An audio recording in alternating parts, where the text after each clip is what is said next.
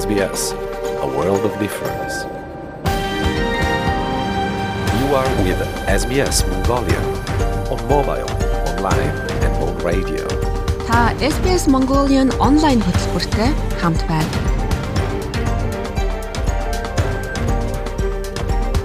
Сайн байцгаана уу? Австралид суугаа монголчуудаа. Та бүхэн SBS радиогийн монгол хэл дээрх хөтөлбөрийн анхны дугаарыг хүлээн авч сонсож байна. Энэ бол Австралийн радиогоор явж буй монгол хэл дээрх анхны аль биесны хөтөлбөр байж болох юм а. Намайг Ундраа гэдэг Монголд болон Австралид сэтгүүлчээр ажиллаж байсан туршлагатай. Австралийн Мельбурн хотоос тантай мэдчилж байна. Манай хөтөлбөр 7 хоног бүрийн пүрэв гарагт 2-оос 3 цагийн хооронд танд хүрч байх болно. Та бүхэн хөтөлбөртэй холбоотой өөрийн саналаа бидэнд заавал ирүүлээрэй. SBS Mongolian вебсайт болон Facebook хаяг танд үргэлж нээлттэй байх болно. Нэвтрүүлгийнхээ эхэнд бидний нэвтрүүлгээ бэлтгэн хүргэж байгаа Виктория муж Мельбурн хотын нутгийн уугуул иргэдэд болон үе үеийн эхэс дээдсүүдэд хүндэтгэл үзүүлцгээе. Бидний нэвтрүүлгээ түгээж буй энэхүү газар нутгийн уугуул эздэд талархал илэрхийлж байна. SBS Mongolian Colon үндэсний Wurundjeri Woi Wurrung хүмүүс тэдний өнгөрсөн ба одоо үеийн эхэс дээдсүүдэд хүндэтгэл үзүүлж байна. Мөн та бүхний сонсон сууж буй газар нутгийн Абриген болон Торресын хоолын арлын бүхэл уугуул эздэд бид талархан хүндэтгэл үзүүлье.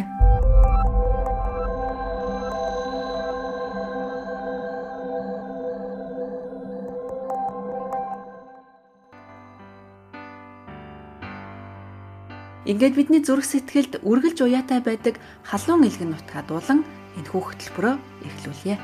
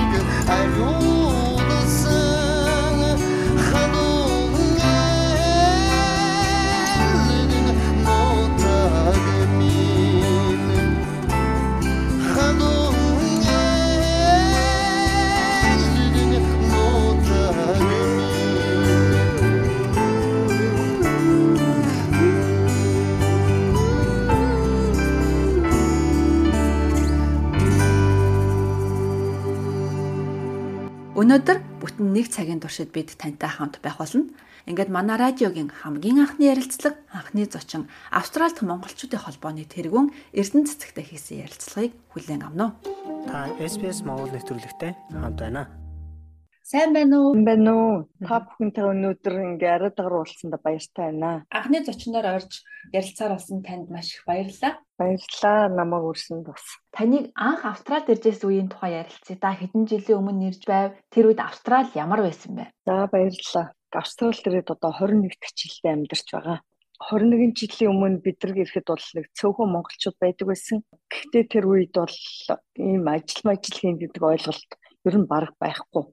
Оюутны 20 цагийн ажил хийн тэгээд ажил нь олдц айгу баг. Ер нь айгу хүнд үе байсан. Одоо бол ирж байгаа хүмүүс бүх юм нээлттэй айгу сайхан байна. Би одоо ирээд 21 жил амьдарч байна. Манайх дөрвөн хүүхэдтэй. Аа ачцээ 5 6 чул 7 чулцсан тоогоо алдсан биш. За 21 жилийн өмнө иржсэн гэхдээ тэр үеийн тухай жоохон сонсомоор санагдчихлаа таныг ярьсан чинь та цөөхөн монголчууд байсан гэж тэгвэл ямар хүмүүс байсан хоорондоо хэр холбоотой байсан бэ? А цөөхөн монголчууд байсан дандаа одоо нөгөө сургалтаар ирсэн улсын шумаар тэгээд хоорондоо бүгдээр нэгнийгээ тань. Одоо 2000 оны олимпиадаар бид нар чинь 10 хэдүүлээ очиад үе ойлголоо. Аюулгүй юм нэгдэлтэй тайхан байсан. А одоо ч гэсэн тэр хүмүүстэй холбоотой байдаг тэр үед болохоор үн бас аюу хямдхан одоо баг нэг хэлийн хавирга мавирга 99 цент байсан уу? Тийм байсан. Тэгэхээр зэрэг тэр үед байсан монголчууд коллектив сайт одоо ч гэсэн манай монголчууд коллектив сайтай. Ер нь бол ирсэн хүмүүстэй юмаа танилцуулж туслах энэ тал дээр бол айгүй нээлттэй байдаг л гэж боддоо ш. Харин тийм шүү. Одоо шинээр ирж байгаа монголчууд нэлээ олон байна. Австрали улсад очимоор байна гэсэн хүмүүс ч бас олон байх шиг байна. Тэгээд Австралид их зориг өөртлөн ирж байгаа монголчуудтай хандаж хамгийн түрүүнд таны хувьд юу зөвлөдөг вэ? За магадгүй холбооны тэргүүний хувьд эсвэл энд бас олон жил амьдарч ирсэн хувь хүний хувьд та хамгийн түрүүнд тэднэрт хэлэх зөвлөгөө юу вэ? За хамгийн түрүүнд одоо хаач явсан хүн Монгол улс өөрийн нэр төр гэдгийг мал хадгалж аваарай гэж цэцгмээр байна. Нэг хүнээс болоод нөгөө мянган үхрийн үрд хэлсэн гэдэг шиг одоо бид нар л өөрсдөө энэ газар амьдрах гэж, сурах гэж, ажиллах гэж ирсэн. Тийм болохоор өөрсдөө хичээгээд нэрээ өндөрт хадгалж яваарай л гэзэхмээр байна. Манай бөхөөгийн дунд ч бас яг энэ тухайд орсон байдаг шүү дээ тий. Хүний газар нэрээ бодно гэдэг бид нэр өөрийнхөө хувь хүний нэрээсээ илүү Монгол гэдэг нэрээ гаргах тухайд бас энд дурдж байгаа болов гэж бодож байна. Тэгэхээр та олон жил амьдарсны гадны олон хүмүүстэй найзлаж нөхөрлөдөг байх. Ер нь Монголыг бид нэр Австралид амьдарч байгаа гадны хүмүүс юу гэж танилцуулбал бидний нэрийн хувьд ер нь юу байх болоо? За одоо бид Чингис гэдгээр л айгүй өөрсдөө ярьдэн шүү дээ. Тэргээр нь айгүй их монголчуудыг ойлгодог мэдэрдэг. А бидрийг ерөнхийдөө бол гудамжинд явж байгаа ч гэсэн харахад өө Chinese Chinese гэж хэлдэг. Тэнгүүтэнд шууд ирж ялаа тайлбарлаа зөвхөмжөө ойлгуулад Монгол гэж юм тусгаар тогтсон орн байдаг гэдгээ аюух ярьж танилцуулж явдаг. Манай залуучууд ч гэсэн тэгдэг баг. Гэхдээ арцсангуу одоо Австрали бас монголчуудыг аюух сайн таньдаг, мэддэг болсон. Манай монголчууд ч гэсэн өргөжж байна. Албасын тоогоор бол одоо нэг 6500 орчим монголчууд байгаа гэж тоогсон байгаа. Тэгэхээр ямар ч байсан бид нар бол Монгол гэдэг нэрээ хадгалаад Монгол үндэстнээ танилцуулахын тулд бид нар бас одоо элчин сайдын яамтай энд байгаа албан газруудтай бас бүгдээ бид нар ярьсан байгаа. Монголын нэгэн өдөр гэдэг нэг үйл ажиллагаа зохион байгуулах гэж ярьсан. Одоо тэрүүгээрээ тэгээд гадныхан өөрсдөө сурталчлаа гэж бодож байгаа. Энд оршин сууж байгаа, амьдарч байгаа монголчууд маань өөрсдөө эх орноо зөв танилцуулаад хүний газар усын нуул ясын дагна гэдэг шиг энтхийн хуулиндаа захирагдаад нэр хүндээ бодоод Монгол гэдэг нэрэл хадгалж сайн сурталчилж яваарай л гэж захимаар байна. Монголчууд бол хэдий бусад улсын энд амьдарч байгаа иргэдтэй харьцуулахад хүн амын тоогоороо цөөтөж гэсэн салбар бүхэндээ амжилттай яв олон монголчууд байдаг. Тэгэхээр таны хувьд одоо яг монгол хүнийхээ нэрийг австралчуудын дунд, гадны иргэдийн дунд гаргаж яваа олон монголчуудаасаа дурдаа танилцуулах тийм амжилтын түүхээс бас бидэнтэй хуваалцаач. Одоо Оги флор гэдэг байгаа, оюун цэцэг байгаа. Бас бизнес эрхлээд өөр гайгүй гадныхан таниулсан Батуулт гэж залуу байгаа. Бас ууланд авирдаг.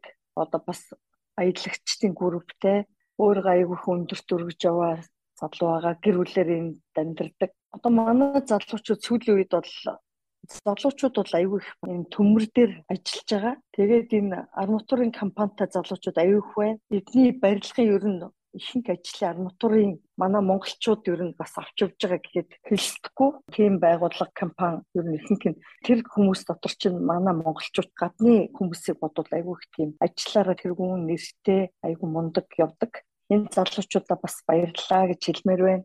За тэгээд хөшөө оюутан залуучууд зөндөө байгаа.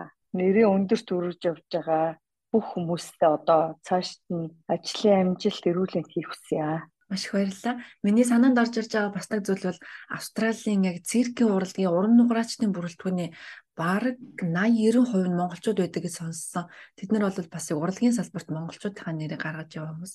За тэгээд их сургуульд гинхмийн эрхлэгч хийж байгаа хүн байна. Уулуурхаан компаниудад бас монголчууд удирдах төвшин нэлээд олон ажилтдаг юм билээ. Гэх мэтчлэн Монголынхаа нэрийг Австралид гаргаж яваа монголчууд маш олон байгаа. Одоо хоёлаа яриагаа холбооны үйл ажиллагаанд чиглүүлвэл ямар? Холбоо маань сүүлийн үед ямар ажил дээр төвлөрөн ажиллаж байгаа вэ? За манай холбоо байгуулагдаад одоо 13 жил болж байгаа. Бид нар жил болгон одоо сар болгон нэг үйл ажиллагаа зохион байгуулдаг. Өнгөрсөн 2 жилд одоо энэ ковидын цаг тархалтын улмаас одоо бас нэг юм хийж чадаагүй. Гэхдээ боломжоор бид нар бас үйл ажиллагаа явуулж ирсэн. Одоо хамгийн сүүл бид нар сая наадмаа хийлээ. За одоо тэгээд бид нар 9 сард хөл өмгийн тэмцээн байгаа. 10 сард оюутан залуучуудаа зориулаад бас юм зохион байгуулдаг.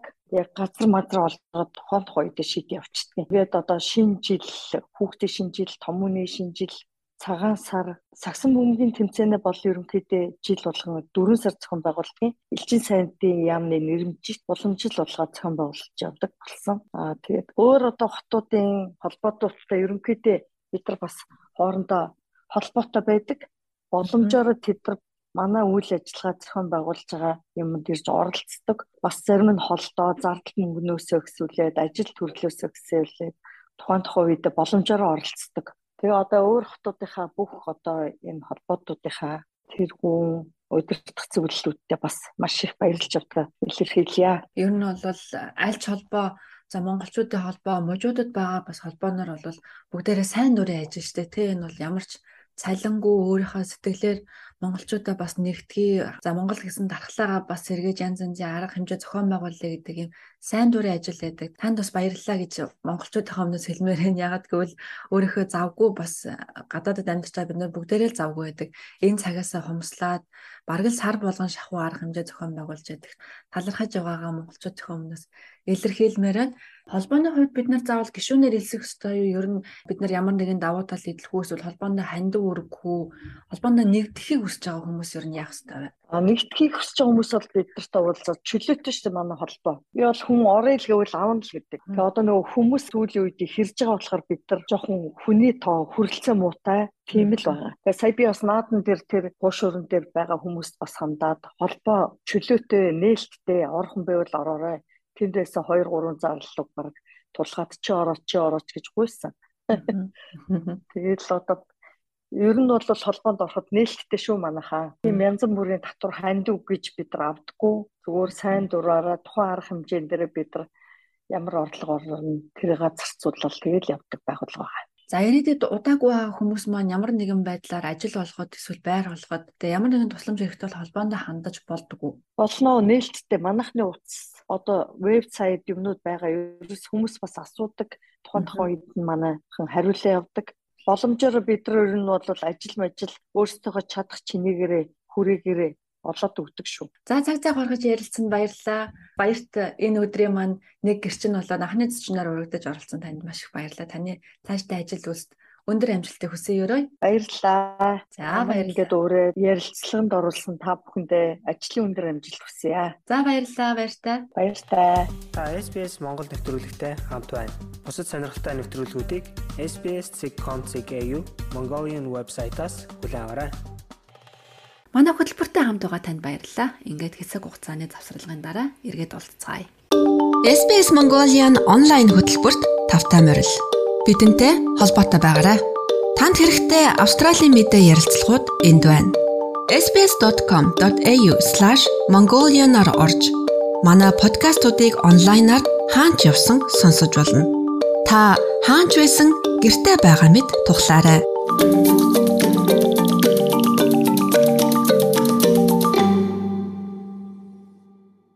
SBS Mongolian радиотой хамт байгаа танд баярлалаа. Харин одоо танд Австралид оршин суугаттай нөхдөж болох нэвтрүүлгээ хүргье. Энэ удаад бид Австралид амьтныг хэрхэн хамгаалдаг тухайд ярилцах болно. Та SBS Монгол нэвтрүүлэгтэй хамт байна. Австралчууд амьтанд хайртай хүмүүс. Дэлхийд хамгийн олон тэжээвэр амьтантай улсуудын жагсаалтыг Австрали улс тэргүүлдэг. Зөвхөн тэжээвэр амьтад төдийгүй байгалийн зэрлэг ан амьтдыг хайрлан халамжилж тэднийг хуулиар хамгаалдаг юм а. Австрали улсад амьдарч эхлэх гэж байна уу? Хэрэгтэй мэдээллийг SBS.com.cg-ийн урагшаа зураас Mongolian хуудасаас хүлээн авах нь. Австралийн амьтдыг хамгаалах хууль тогтоомжийг муж нутаг дэвсгэрийн засгийн эрхээр зохицуулдаг. Австральд амьтдыг хамгаалах олон төрлийн хууль байдаг гэж доктор Сара Зито тайлбарллаа. Тэрээр Австралийн амьтанд харгас хэрцгий хандгаас урьдчилан сэргийлэх хааны нэрэмжит нийгэмлэгийн шинжлэх ухааны ахлах ажилтнаар ажилладаг юм а Бүх муж нутаг дэвсгэрүүд өөрийн харьяалалд байгаа амьтдыг халамжлах, хамгаалах тухай өөр өөрийн гэсэн хуультай байдаг. Гэхдээ эдгээр нь бүгд амьтанд хор хөнөөл учруулахыг хоригддаг. Хохирол гэдэг нь зөвхөн бие махбодод төдийгүй сэтгэл зүйн хохирлыг учруулахаас сэргийлдэг юм. Сэтгэл санааны хохирол нь зовлон, айдас гих мэт зүйлийг багтаан ойлгодгоо care to animals as well. Тухайн амьтныг асран тэжээж байгаа хүмүүст хууль ёсны эзэмшигч нь гэж үздэг. Мөн амьтныг асран хамгаалдаг эсвэл хяндаг хүмүүс ч энэ хуулийн дагуу үүрэг хүлээдэг. Жишээ нь үржүүлгийн газар эсвэл үржүүлгийн газрын эзэн эдгээр амьтдыг халамжлах үүрэгтэй гэж доктор Зито хэлж байна. Асран халамжлах үүрэг гэдэг нь тухайн амьтныг хариуцаж байгаа хүн зохих ёсоор нь хоол ундаар хангах, устай байлгах, амьдрах нөхцөлийг нь хангах, за амьтныг хор хөнөөл учруулахаас урьдчилан сэргийлэх багасгахыг хэлж байгаа юм а. Мөн урьдчилан сэргийлэх зорилгоор эмчилгээ шаардлагатай үед нь мал эмнэлгийн тусламжийг цаг алдалгүй үзүүлэх үүргийгч бас тэд хүлээдэг. Мөн амьтан байгалийн зан үйлийг нь илэрхийлэх чадвартай байлгах ёстой эдгээрийг тухайн төрөл зүйл бүртэн тохирсон байдлаар амьтандаа харьцаж тэдэнд хор хөнөөл учруулахгүй байх шаардлагыг энэ хуулиар заасан байдаг. Та гэртээ эсвэл машинда хин нэгний эсвэл ямар нэгэн амьтан авч яваа бол танд ч бас энэ үүрэг оногдох болно та үүргээ биелүүлэхгүй бол ноцтой хариуцлага хүлээдэг тухай Австралийн амьтанд харгас хэрцгий хандгаас урьдчилан сэргийлэх нийгэмлэгийн хэвлийн төлөөлөгч Лаура Вемен Джонс бидэнд ярьсан юм а. Амьтныг үржүүлэх ялангуяа бизнесийн зорилгоор үржүүлэх нь тэдний хувьд харгас явдал юм. Ялангуяа үзэмжтэй өхөөрдөн болгох гэж үржүүлсэн амьтдын эрүүл мэндийн асуудал хариуцлага хүлээх тодорхой шалтгаан болдгоо. Зарим мужуудад нэг байранд үржүүлж болох амьтдын тоог хязгаарлахаар арга хэмжээ авч байгаа нь үнэхээр сайн хэрэг. Энэ чиглэлээр Виктория муж нэлээд идэвхтэй ажиллаж байна. Өчнөө олон малыг ашиг хонжоо хайж үржүүлээд хит баг балчаар насанд нь эхээс нь булааж авч байгаа нь тухайн амьтандаа ч худалдан авч байгаа хүмүүстэй ч хүндрэл учруулдаг. Та амьдан авахар төлөвлөж байгаа бол тэднийг аврах газраас ч бас авч болдог гэдгийг энд онцлон дурдъя. Тэнд байгаа эрүүл тэжээвэр амьдтыг авах хүн олдохгүй бол устгалд оруулдаг. Тэжээвэр амьдны тухайд ийм байгаа бол Австралийн уугуул ан амьдтын тухайд дараагийн хэсэгтээ онцлоё. Австрали бол байгаль цаг үрийн онцгой нутаг. Байгалийн зэрлэг ан амьтад Австральд онцгой эрх зүйн статустай байдгиймаа гэж амьтны хамгаалах нийгэмлэгийн сайн дурын хуульчаар ажилладаг Tara Wards бидэнд ярьсан юм а. The government retains some level of control. Нутгийн уугуул амьтдыг хинч эзэмшдэггүй учраас засгийн газар тодорхой хэмжээний хараа хяналтаа тавьж байдаг. Тиймээс зэрлэг ан амьтад унган амьтадтай хэрхэн харьцах талаар төрөөс зохицуулалт хийдэг гэсэн үг юм. Энэ нь манай муур нохой за байгальд байгаа шувуу гэх мэт бүх амьтдад үйлчилдэг амьтны эрүүл мэндийн ерөнхий хуулиас гадна ойлголт юм kangaroo or a bird out in the wild. Хэрв та засгийн газраас олгосон лицензгүй бол ихэнх нутгийн уугуул амьтдыг авах, тэдэнд хор нөлөө үзүүлэх агнах нь эрүүгийн гэмт хэрэгт тооцогддог. Зарим ховорцсон амьтдад илүү чанга хамгаалалттай байдаг. Та өөрийн муж нутаг дэвсгэрээс хамааран тусгай зөвшөөрөл авсан тохиолдолд байгалийн зэрлэг амьтдыг тэжээвэр амьтан болгон авч болдог тухай хатагтай word ярьсан юм а. So you can't just take a native animal from the wild. Та байгаль дээрээс зэрлэг амьтныг аваад гэрийн тэжээвэр амьтан болгож болохгүй Энэ нь ихэнх нутаг дэвсгэрт хууль бус бөгөөд эрүүгийн гэмт хэрэгт тооцогддог. Харин лиценз шаардлагагүй цөөн хідэн амтан байдаг. Жишээлбэл зарим нэгэн төрлийн шувуу эсвэл гөрүүл авахд тусгай зөвшөөрөл авах шаардлагагүй. Байгалийн зэрлэг унган амьтад хүнтэй харьцахдаа үргэлж стресст ордог. Тиймээс тэдэнд саад болохгүй байх нь чухал. Гэхдээ амьтдыг үл хайхран орхиж болохгүй тухай хадагтай word ингэж ярьлаа. Most states and territories allow anyone За ихэнх мужуудад бидний арын хашаанд тааралцсан амьтдыг авах эсвэл гадаа явж байгаад бэртэж гэмтсэн эсвэл ямар нэгэн байдлаар тусламж хэрэгтэй болсон ан амьтантай тааралцсан бол авахыг зөвшөөрдөг. Ихэнхдээ машин мөргүүлсэн амьтдыг авч асарх нь зөвшөөрөгддөг. Харин тусгай зөвшөөрөл шаардлагатай амьтдыг малын эмч эсвэл зэрлэг амьтан асран хамгаалагчид аваачж өгөхийг хуулиар зөвшөөрдөг. Амьтныг хамгаалах хуулийг зөрчвөл өндөр хариуцлага тооцдог. Үүнд торгуул, бүр шоронд хорих зэрэг ноцтой шийтгэлүүдийг оноодог тухай зэто ярьлаа. Хуулиуд нь мууч бүрт өөр байдаг шиг санаатай харгислал хайхрамжгүй байдлын тухай хуулиуд бас өөр байдаг. In New South Wales, the maximum jail term is 5 years. New South Wales мужид гэхэд хорих ялын дээд хэмжээ нь 5 жил байна. Харин Queensland-д 7 жил, Western Australia мужид 5 жилийн хорих ялыг оноодог юм байна. За мөн нэлээд том хэмжээний торгуул ногдуулдаг хувь хүнд 200 мянган доллар, харин байгууллагад 1 саяас дээш хэмжээний торгуул ногдуулдаг. Амьтныг зодож алах эсвэл үнэхээр жигшүүрт зүйл хийсэн бол амьтны харгислалын хүндрүүлсэн гэмт хэрэг хэмээн үздэг юм байна offences, things like beating an animal to death or something really heinous. Аливаа амьтанд харгас хэртгий хандсан тэр дундаа үл тоомсорлон хайсан тохиолдол байвал та албаны газарт заавал мэдээллээрэй. Хэрвээ та айл нэгэн нутаг дэвсгэрт амьтанд хор хөнөөл учруулж байгаа, ялангуяа байгалийн зэрлэг амьтныг хөнөөж байгааг харах юм бол холбогдох хуулийн байгууллагуудад дуулгах хэрэгтэй. Энэ нь ихэнх нутаг дэвсгэрт Австралийн амьтанд харгас хэрцгий хандхаас урьдчилан сэргийлэх нийгэмлэг байдаг. За бас мууч нутаг дэвсгэр бүхэн өөрийн гэсэн ан амьтан хамгаалах албатай байдаг. Та гемтэргийн талаар мэдээлэл өгөхөд таны тухай мэдээллийг нууцлан хадгалдаг. Хэрв та халуун нартай өдөр машин түгжигдсэн гэх мэт амьтанд шууд утгаараа аюултай нөхцөл байдал байгааг олж мэдсэн бол цагдаагийн газарт хандаарай. Өвчтөе бэртсэн, өнчирсэн уугуул амьтдыг Австралийн зэрлэг амьтныг хамгаалах албаны 13 тэг тэг 59 64 57 дугаарын 24 цагийн шууд утсанд мэдэгдэх ёстой. Австралийн зэрлэг амьтад хүүхдүүдэд уутанд хийж явдаг нэг онцлогтой.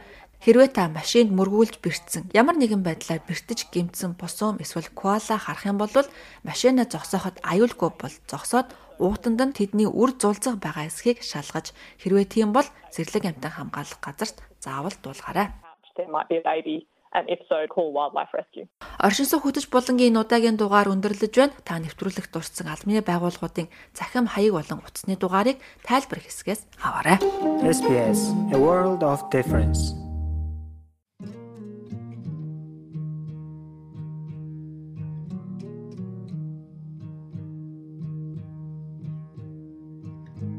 Манай радио хөтөлбөр Монголын уран бүтээлчдийн дууг аль биесны эрхтэйгээр танд хүргэдэг.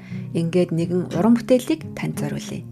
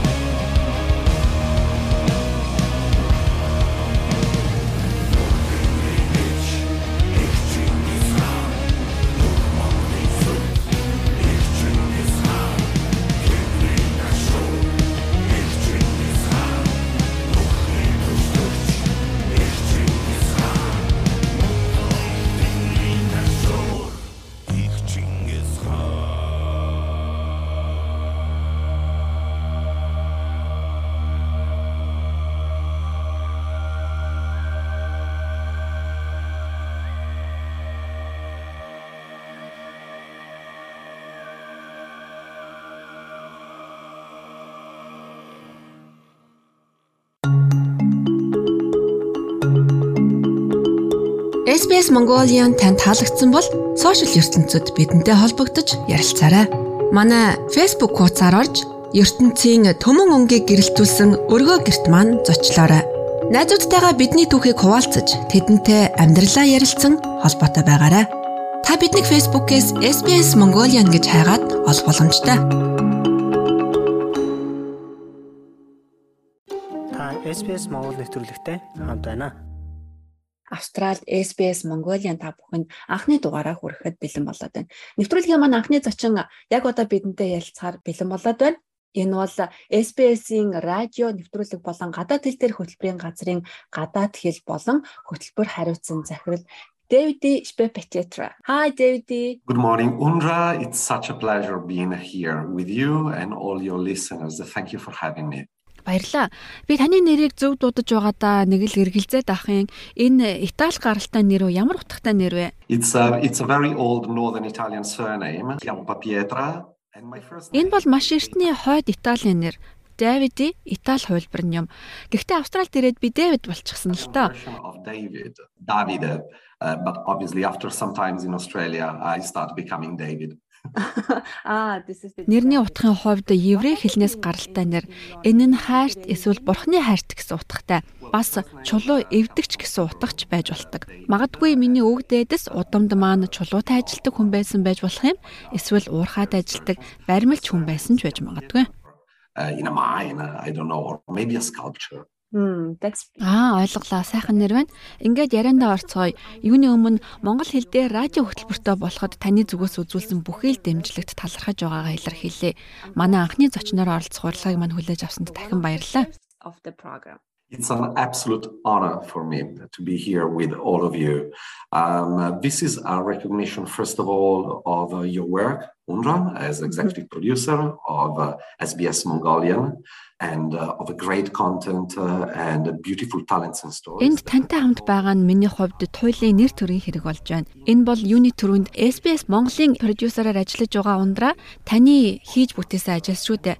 SBS хийсэн олон гайхалтай подкастууд, сонирхолтой зочид, олон гайхалтай түүхүүдийг хүмүүст хүргэж сонсогчдтойгоо нэгт харилцаатай байдаг чинь холбоотой. Тиймээс бид энэ туршилтын хөтөлбөрийг эхлүүлж байна. Ингээд ажлын арга барилаа арай жоохон ахиу төвшөнд хүрэхээр шийдсэн юм а. Та SBS гадаад хэлний контентуудын талаар бидэнтэй ярилцаж Австрал олон хэлтэй, олон соёлтой нийгэмд SBS радиогийн аудио болон гадаад хэлний хөтөлбөр ямар үүрэг гүйцэтгэдэг гэж та боддог вэ? Absolutely. It's one of my favorite topics. so SBS Mongolian is uh, one of our beautiful 63 languages here at SBS. Тэгэлгүй яах вэ? Энэ бол миний хамгийн дуртай сэдвүүдийн нэг. SBS 63 хэл дээр хөтөлбөр явуулдгийн нэг нь монгол хэл юм. Манай сонсогчдын ихэнх нь SBS бол олон платформтой олон нийтийн өргөн нэвтрүүлэг гэдгийг мэддэг. Манайх 6 телевизтэй бид олон үндэсний шоу, кино, телевизийн цувралууд бэлтгэдэг. Телевиз болон онлайнаар маш алдартай SBS-ийн мэдээ хөтөлбөр маань байна. Миний дээр хэлсэнчлэн 63 хэлний хувьд бид нэг гэр бүл юм. Уламжлал ёсоор бол биднийг SBS радио гэж нэрлэдэг байсан. Гэхдээ одоо технологи дэлхийн ертөнц өөрчлөгдөхийн хэрээр онлайн хэрэглээ, гар утас, подкастын хэрэглээ нэмэгдэж бид маш олон платформын үйлчилгээтэй болж байна. Үнэн дээр бол бид нар хэдхэн жилийн өмнө л монгол хэлээр нэвтрүүлэг хүргэж эхэлсэн. 2016 оны хүн амын тоолгоор Австралид 2000 гаруй хүн хүн монгол хэлтэй байсан. Харин одоо 2021 оны хүн амын тоолгоор энэ тоо маш хурдан нэмэгдэж байгааг бид нар харж байна. Одоо Австрал Австралид 5000 гаруй монгол хэлтэй хүн амьдардаг. Энэ бол 144 хувиар нэмэгдсэн гэсэн үг шүү дээ. Энэ нь бидний хувьд маш учир нь SBS хүн амын тоолгын энэ мэт дүнг үндэс болгон ашигладаг бөгөөд үүнийг бид 5 жил тутамд хийдгээ. Өнгөрсөн 6 дугаар сард бид энэ тоолгын дүн дээр үндэслэн нэвтрүүлгээдээ хэрхэн яаж үргэлжлүүлэх ажлын зохион байгуулалтаа хийж эхэлсэн. Бид үзэгчтэй хэрхэн үйлчлэх талаар судлаж байна гэсэн үг юм. За мөн удахгүй хэдэн сарын дараа бид үйлчилгээгээ хэрэглэгчдийн хэрэгцээ нийцүүлэн яаж өргөгдөх, өөрчлөх талаар тохируулга хийнэ. Үүнд монгол хэл дээр ч бас зарим нэгэн өөрчлөлт орох байх гэж бодож байна. That they more than double. So there's more than 5000 Mongolian speakers uh, into Australia. Сайхан мэдээ байна. Маш их баярлалаа. SBS Монгол нэвтрүүлэг заавал радио нэвтрүүлэгтэй байх ёстой гэж та яагаад бодсон юм бэ? It's the fact that we want to experiment. We want to see how the audience will react. Is there a need for a, a radio service? Uh, is it something that the Mongolian speaking population of Australia uh, is finding useful? Юуны өмнө энэ бол туршилтын хөтөлбөр гэдгийг хэлхийг хүсэж байна. Танаа сонсогчид энэ нэвтрүүлгийг хэрхэн хүлээж авахыг бид хармаар байгаа юм. Радио үйлчилгээ хэрэгтэй юу? Эсвэл Австралийн монгол хэлтэй хүн амд хэрэгтэй зүйл нь энэ мөн үү? За нөгөө талаар олон нийтийн мэдээллийн хэрэгслээр дамжуулан онлайнаар үйлчилгээ хүргэх нь илүү хялбар уу? Энэ туршилтыг эхлүүлэх санааны ард маш том агуулга байгаа юм. Гэхдээ мэдээж хэрэг за хөтөлбөртэй холбоотой ямар нэгэн өөрчлөлт тухайн компани бизнестэй холбоотой шүү дээ. Энэ үгийг би менежерийн хувьд хэлж байна. Бидний өмнө нь гарч ирж болох сорилтыг даван туулах мөн зөв хүн энд ажиллаж байгаа учраас энэ туршилтыг бид хийх цаг нь болжээ гэж үзсэн юм. Мэдээж хэрэг хүн амын тоолгоор үзүүлсэн өсөлт нь ч бидний анхаарч үзсэн бас нэг хүчин зүйл. Гэхдээ миний өмнө хэлсэнчлэн энэ нь зөвхөн туршилтын шин чанартай байх бөгөөд хэлний үйлчилгээний ерөнхий тайм ойрын саруудад гарах болно. will be revealed in coming months. So, well, all the answers will come at that stage. Австралид шинээр суурьшиж байгаа монголчууд SBS-ийн нэвтрүүлгийг сонсох нь ямар ач холбогдолтой гэж та үзэх The вэ? benefits uh, are various. First of all, uh, SBS Mongolian is a Mongolian language service uh, produced in Australia өмнө SBS Mongolian нь Австралид амьдардаг монгол хэлтэй хүмүүст хийсэн судалгааны үндсээр байгуулсан монгол хэл дээрх аль бие усны хөтөлбөр юм. Энэ бол гол шалтгаан нь. Бид Австралийн хэлийн чандаас гаднаас ирж байгаа монгол хэл дээрх бусад үйлчилгээ контент үйлдвэрлэгчтэй өрсөлдөж байгаа. Юуны төлөө вэ гэвэл Австралид төвлөрөн амьдарч байгаа монгол хэлтэй үзэгчдийг татахын тулд. SBS is uh, one of the most uh, reputable public broadcasters uh, in the Asia Pacific region. Хоёр дахь гол асуудал бол SBS-с үүдэлтэй асуудал юм. SBS бол Аз номхон далайн бүсийн хамгийн нэр хүндтэй олон нийтийн мэдээллийн хэрэгсэл. Энэ нь олон нийтийн үүсгэн байгуулсан төр хувийн хөвшил хамтарсан холимог систем бүхий хэвлэлийн байгууллага юм. Гэхдээ мэдээ цуглуулах, мэдээгээ мэдээлэл хүргэх арга барилаараа хараат бус. Эцэст нь хэлэхэд SBS-ийн дүрмд тусгагдсан бидний эрхэм зорилго бол ямар хэлээр ярьдгаас үл хамааран бүх австралчуудыг мэдээллээр хангах, сургах, зугаацуулах зорилготой. Энэ хүрээнд монгол хэлээр ярьдаг хүмүүст үйлчлэхээс гадна Австралид амьдардаг монголчуудын түүхийг нийт австралчуудад ярьж өгөх, австралчуудтай холбож өгдөг юм.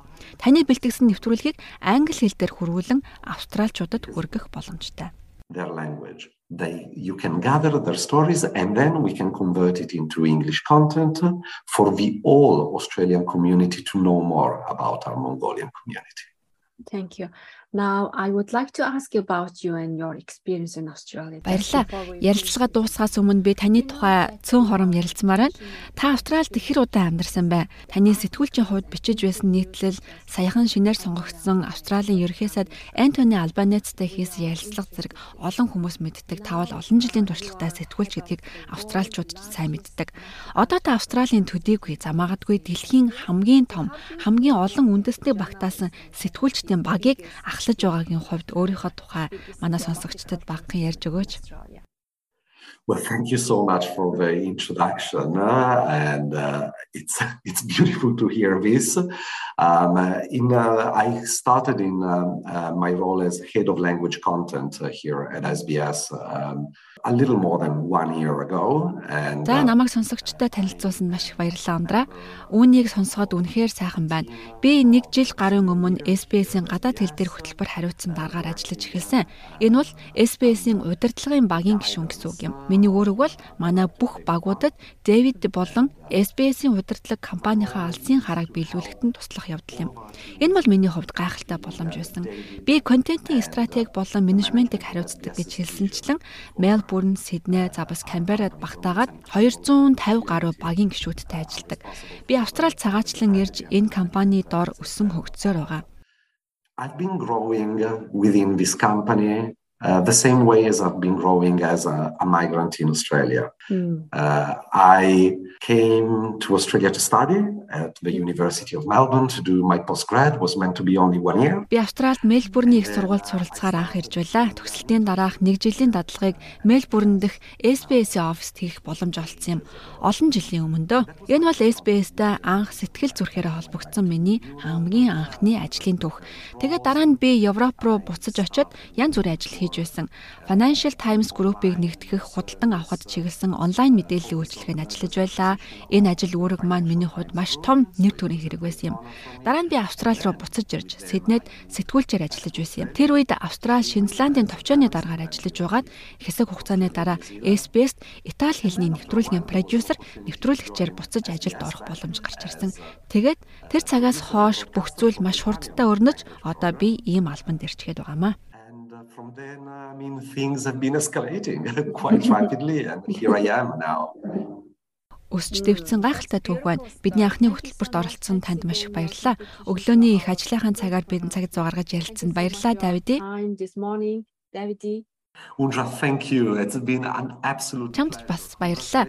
Ярилцахад үнэхээр таатай байлаа. Ажилд нь амжилт хүсье. Танаа нэвтрүүлэг амжилттай олон хүнд хүрнэ гэдэгт итгэж байна. Enjoy to all our audiences. Би ч бас итгэж байна. Маш их баярлалаа. Баяртай. Та SBS Монгол нэвтрүүлэгтэй хамт байна. Бусад сонирхолтой нэвтрүүлгүүдийг SBS.com.cg Mongolian вебсайтаас хүлээн аваарай. SBS Mongolian онлайн хөтөлбөрт тавтай морил. Бидэнтэй холбоотой байгаарай. Танд хэрэгтэй Австралийн мэдээ ярилцлагууд энд байна. sbs.com.au/mongolian-аар орж манай подкастуудыг онлайнаар хаач явсан сонсож болно. Та хаач байсан гэртээ байгаа мэд тухлаарай.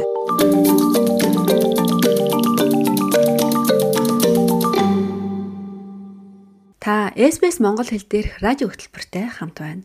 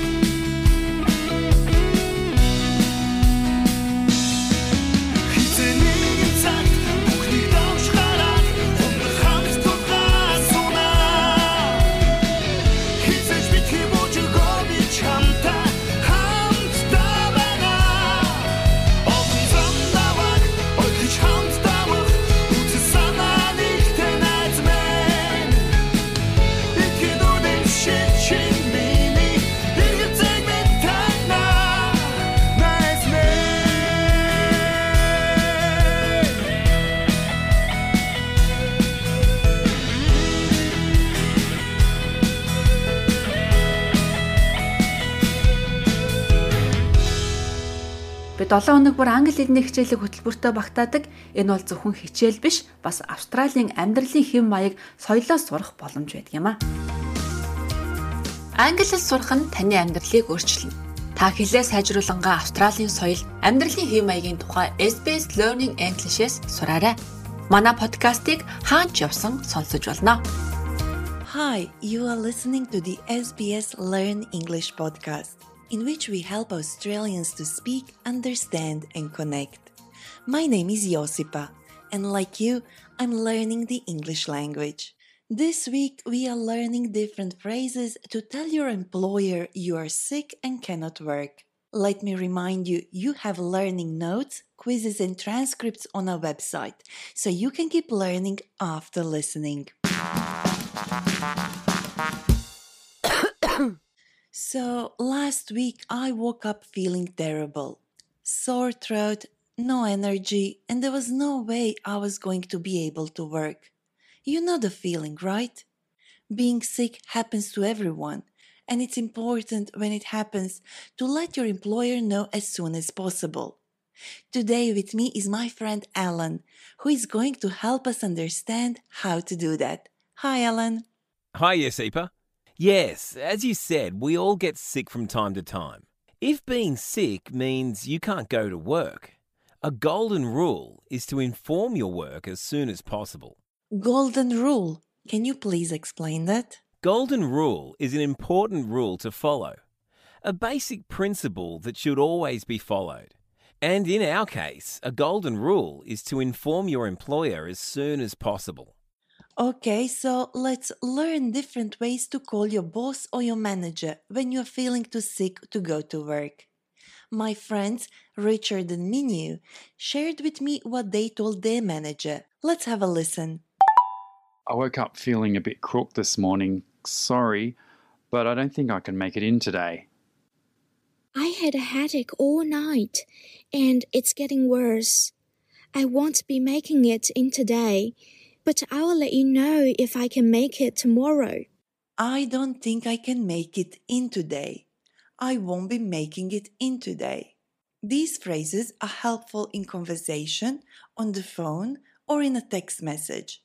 But before saying that Richard and Minu won't be making it in today, something else happened. Let's hear them one more time. I had a headache all night, and it's getting worse. I won't be making it in today, but I will let you know if I can make it tomorrow. I woke up feeling a bit crook this morning. Sorry, but I don't think I can make it in today. Feeling a bit crook in Australian English means unwell, while in British English it tends to mean nauseous. Anyway, Richard and Minu have been polite about saying why they can't work without telling too much about their condition.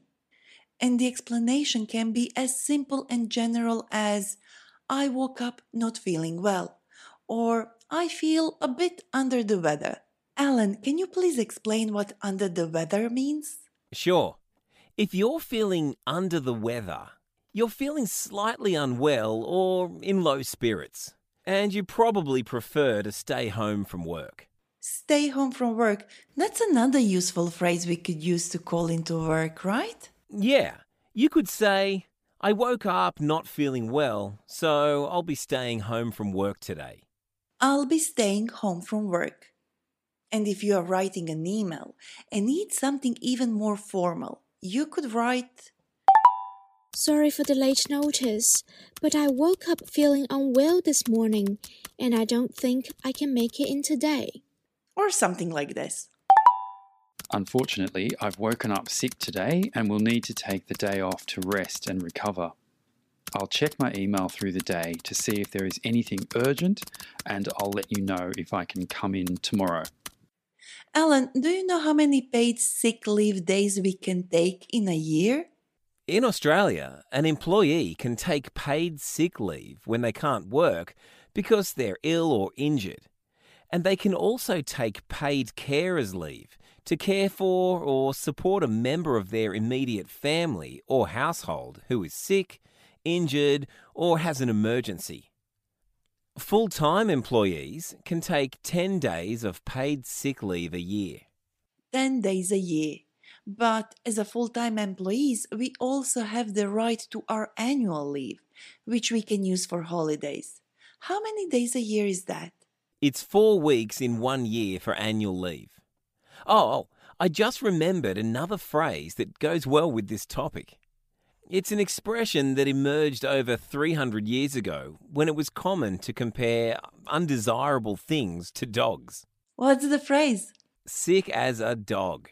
I know that one. If you are sick as a dog, you are extremely ill. This phrase is something you would say in conversation with your friends and family, and it's not appropriate for formal settings. Alan, you were telling me about a common Australian phrase to throw a sickie? What does that mean? Well, it means faking illness. When you call your work to say you're sick, but you're not actually ill. Pulling a sickie or chucking a sickie means you miss work, but you're not really sick. Maybe you feel a bit under the weather the day after a big event. Most people don't pull sickies, but it is a unique Australian phrase. Thanks, Helen. I'll remember that when I hear chucking a sickie. A lot has been said so far. Let's revisit some expressions. See if you can answer my questions before my friends say them. Feeling crook means.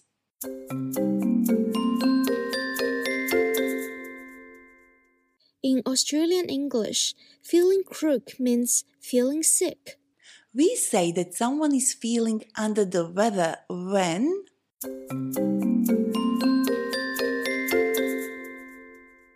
If someone is feeling under the weather, they are feeling slightly unwell or in low spirits. Sick as a dog means.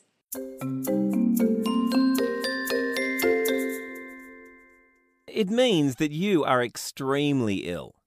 It's a phrase you can use in conversation with friends and family. We also heard a few useful expressions we can use to call in sick at work. I won't be making it in today. I'll be staying home from work today. I need to take a sick day to get better. I don't feel very well this morning, so I think I'd better stay at home to rest. Learning English can change your life. Subscribe so you don't miss an episode and visit our website for learning notes and transcripts. SBS Mongolian радиогийн анхны дугаартай хамт байж түүхийн нэгэн гэрч болсон танд баярлалаа. Би 7 хоног бүрийн пүрэв гарагт 2-оос 3 цагийн хооронд байна. Та өөрөө сонсоод бас бусад монголчуудаа энэ тухай мэдээлэлээ дуулгаарай. Ингээд хөтөлбөрийн төгсгөлд Австралид Монгол улсынхаа нэрийг тун сайнаар гаргаж яваа бөхөө буюу бүх чулууны нэгэн уран бүтээлийг хүргэе. Энэ бол аав ээж хоёр минь. Аян замдаа сайн яваарай гэж аав минь өрөөж үлдсэн юм алсын газраас хүрээд ирэхэд аав ээж минь баярлан сундаа хэмээн энэ дунд толтгоо.